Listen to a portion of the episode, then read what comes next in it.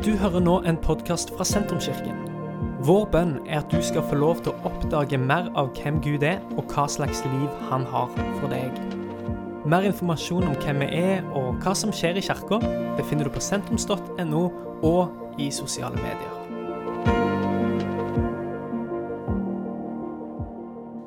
Hvem trodde budskapet vi fikk? Hvem ble Herrens arm åpenbart for? Han skjøt opp som en spire for hans ansikt, som et rotskudd av tørt jord. Han hadde ingen herlig skikkelse vi kunne se på, ikke et utseende vi kunne glede oss over. Han var foraktet, forlatt av mennesker. En mann av smerte, kjent med sykdom, og de ansikt, de skjuler, en de skjuler ansiktet for. Han var foraktet. Vi regna han ikke for noe.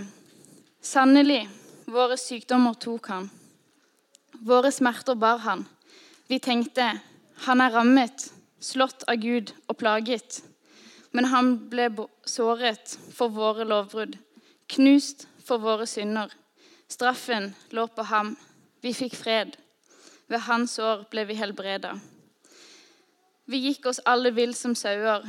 Hver tok sin egen vei. Men skylden som vi alle hadde, lot Herren ramme ham. Han ble mishandlet, han ble plaga, og han åpnet ikke munnen. Ikke et lam, lik et lam som føres bort for å slaktes. Lik en sau som tier når den klippes, og han åpnet ikke munnen. Etter fengsel og dom ble han tatt bort.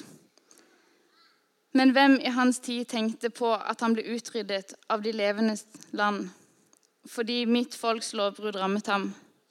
Da han var død, fikk han sin grav blant urettferdige og hos en rik, enda han ikke hadde brukt vold og det ikke fantes svik i hans munn. God påske. De neste minuttene nå så skal vi få lov til å dra nesten 2000 år tilbake i tid og så skal vi høre historien om det som skjedde på denne dagen. Det var tidlig søndag morgen i Jerusalem. Sola den var i ferd med å stå opp. Og noen damer de var våken og allerede. og Det var veldig tidlig, men de var ute og gikk. Men selv om det var en deilig dag med sol, så var de egentlig mest lei seg. Noen dager tidligere så hadde nemlig vennen deres blitt tatt til fange. Mens de var ute på kvelden i en hage. De hadde gått til den hagen etter de hadde spist påskemåltidet. Og de hadde slått ham, og de hadde plaga ham. Og beskyldt ham for ting som ikke var sant. De beskyldte han for så alvorlige ting at han ble dømt til å dø.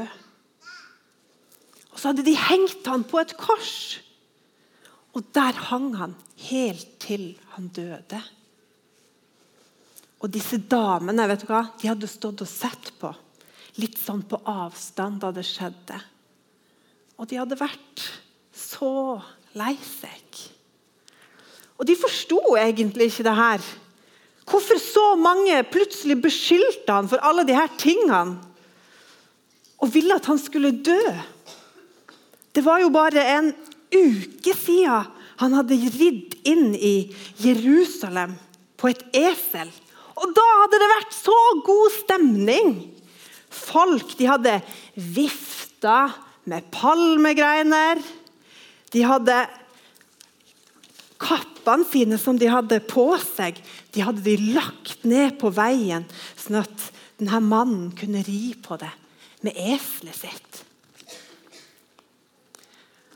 Det var akkurat som det var en konge som kom ridende inn der. Han hadde ikke kongekrone på, men det, det føltes nesten som han hadde det. Og de hadde vært så glad! Hosianna, hadde de ropt. Og det betyr 'gi frelse'. Eller akkurat som 'redd oss'. Og Det var det de hadde håpet denne mannen skulle gjøre. At han skulle redde dem. Han som rei der på eselet. At han skulle redde dem fra romerne og alt det som ikke var så bra. Men nå var jo redningsmannen død. Og da var det jo ikke så mye mer vits å rope hos Janna. Selveste Jesus var død. Han som hadde sagt at han var Gud. Han hadde sagt at han var livet, med stor L. Jeg er veien, sannheten og livet, hadde han sagt. Men nå var det jo ikke noe liv lenger. Hva nå?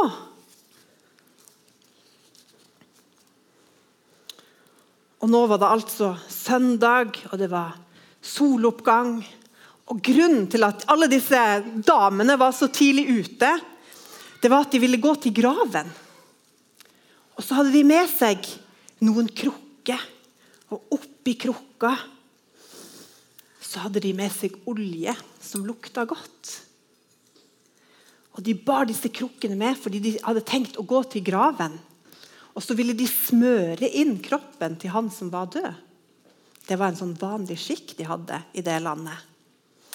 Men når de var på veien dit, så begynte de å lure litt på hvordan de skulle få det til. De hadde nemlig hørt at noen hadde rulla en gigasvær stein foran graven. Og De lurte litt på hvordan de skulle få denne steinen bort. De, kanskje de begynte å se litt på musklene sine. Og så at ah, jeg vet ikke om vi, ah, vi er jo bare noen damer her. Hvordan skal vi klare å rulle bort denne store, store steinen? Er vi sterke nok? Og så hadde de òg hørt at det var noen eh, soldater som sto og passa på. Og ville de slippe de forbi, liksom? Så de går og tenker på det her. Og så nærmer de seg graven. da. Så begynner de å gå med litt raske steg, for de er litt sånn spent. Og så Men hæ? Hæ? Nei, det var merkelig. Hva er det som har skjedd her? Hæ? Steinen er rulla til side. Hvordan har det skjedd? Det var merkelig. De går forsiktig inn til graven, og så begynner de å gjøre klar disse krukkene sine som de har den deilige oljen oppi. Men nei, vet du hva? Dette er jo enda merkeligere. De begynner å se rundt seg, men de kan ikke se kroppen til Jesus noen sted. Hvor kan den være? Og De ser rundt seg. Hæ? Steinen er rulla bort, og ikke er det en kropp her heller. Nei, vi kan ikke finne den. Plutselig så står det to menn der. Klærne deres skinn. Og det er så sterkt lys at de her damene blir litt redde. Det var nesten sterkere enn sola. Og De blir redde og de tør ikke å se opp og de lurer på hva er det som skjer. Dette er så rart. Først steinen ruller bort, så er det ikke noe kropp her. Og så er det to menn som står her og skinner. Hva er det? Men så hører de den ene av dem sier, han sier, 'Ikke vær redd'. Jeg vet at dere leter etter Jesus, han som døde på korset. Men han er ikke her. Han er stått opp, akkurat sånn som han sa. Skynd dere å gå og fortell det til disiplene hans. Og disse damene de var sånn Hæ? Hørte vi riktig? Hva var det denne engelen sa for noe nå? Kanskje jeg tipper at de nesten sånn, står der og klyper seg i armen. Og du, hørte du det? Hæ? Er det sant? Hva sa han? Er det virkelig sant? Har Jesus stått opp? Og så løper de av gårde. Jeg tipper de kanskje aldri hadde løpt så raskt før i hele sitt liv. Da de spurta av gårde og fortalte til disiplene til Jesus og bare sånn 'Peter! Jakob! Johannes!' Vi skulle til graven, sant? vi hadde med disse krukkene. Men vet du hva? når vi kom dit, så var det en tom grav. Jesus var ikke der. Han har stått opp igjen, akkurat som han sa. En engel kom og fortalte oss det. Jesus lever.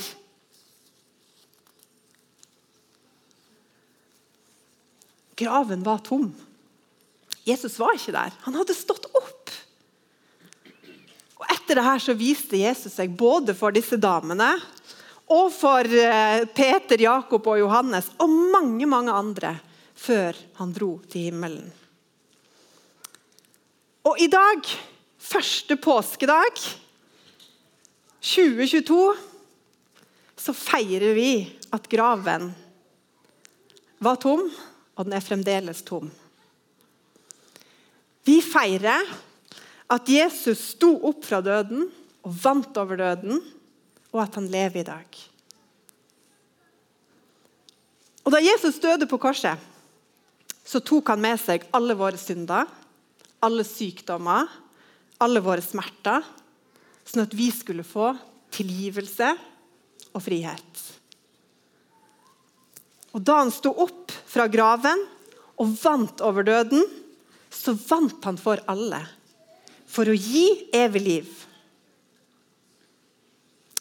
Kanskje er det mange som kan dette verset, som oppsummerer både påska og det vi tror på. At for så høyt har Gud elska verden, at han ga sin sønn, den eneste, for at hver den som tror på han, ikke skal gå fortapt, men ha evig liv.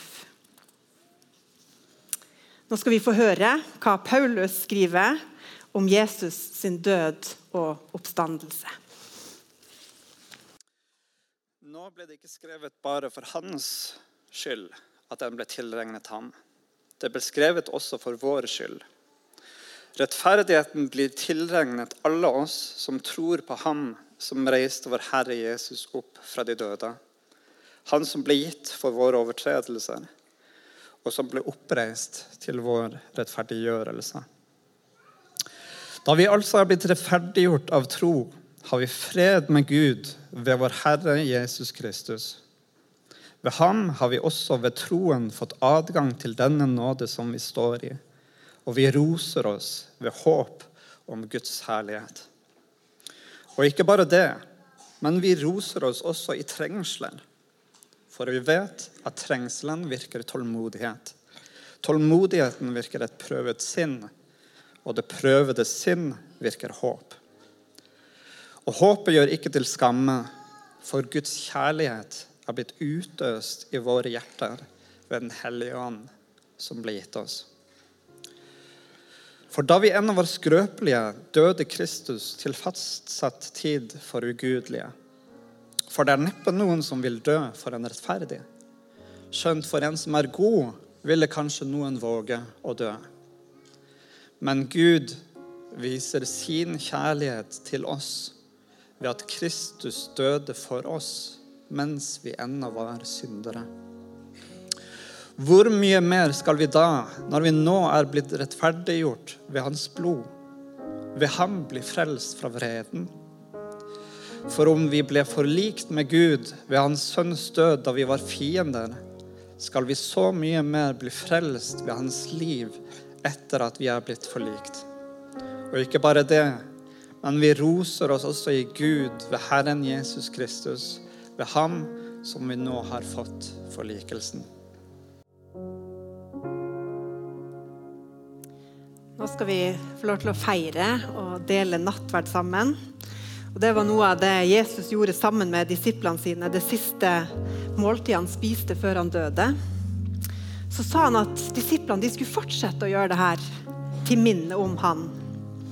Og Mens de spiste, så tok Jesus et brød, og han takka og han brøt det. Og så sa han, ta imot og spis. Dette er min kropp. Så står det at han tok opp begeret og takka og ga dem og sa, drikk alle av det, for det her er mitt blod, paktens blod, som blir utøst for mange, sånn at syndene deres blir tilgitt. Så når vi spiser brødet og drikker av safta, så minnes vi Jesus sin død. Hans kropp som ble ødelagt for oss, og blodet hans som rant for vår skyld. Og Når vi deler nattverd her i kirka, så er vi òg med å fortelle at vi tror på hans død. Vi forteller om det til verden, helt til han kommer tilbake. Derfor er det å ta del i nattverd en måte å bekjenne tro på Jesus på. Det er en måte å si at hans død og hans oppstandelse det gjelder meg. Det gjelder mitt liv. Derfor er det helt frivillig å ta del i nattverden. I sentrumkirka så er nattverden åpen for alle, men samtidig eksklusiv i den forstand at den er for de som tror eller ønsker å si at 'jeg vil tro'. Jesus han hadde forberedt nattverden for disiplene sine. Og det synes jeg er så fint at Når vi får lov til å komme til nattverdsbordet, så kommer vi til noen ting som er forberedt og ferdig. Og Jeg liker å se på det sånn at vet du hva her har Jesus Han har dekka på. Han har gjort klart for meg og deg. Og så sier han, vet du hva, her er din plass. Her kan du få lov til å komme. Alt er klart. Alt er ferdig. Jeg har dekka på til akkurat deg. Og det er det som er så fint med Jesus sin Det Jesus har gjort, at han har gjort det ferdig, og vi kan få lov til å ta imot. Og Nattverden er et sånn symbolsk uttrykk på det. at vet du hva, Nå får jeg lov til å ta imot alt det som er ferdig. Det er en plass som er tiltenkt for meg. Eneste navn har Jesus tenkt en plass til og lagd en plass for. Dette er slutten på denne podkastepisoden. Har du spørsmål om Jesus, om tro, om livet, så er du hjertelig velkommen til å ta kontakt med oss via sentrums.no.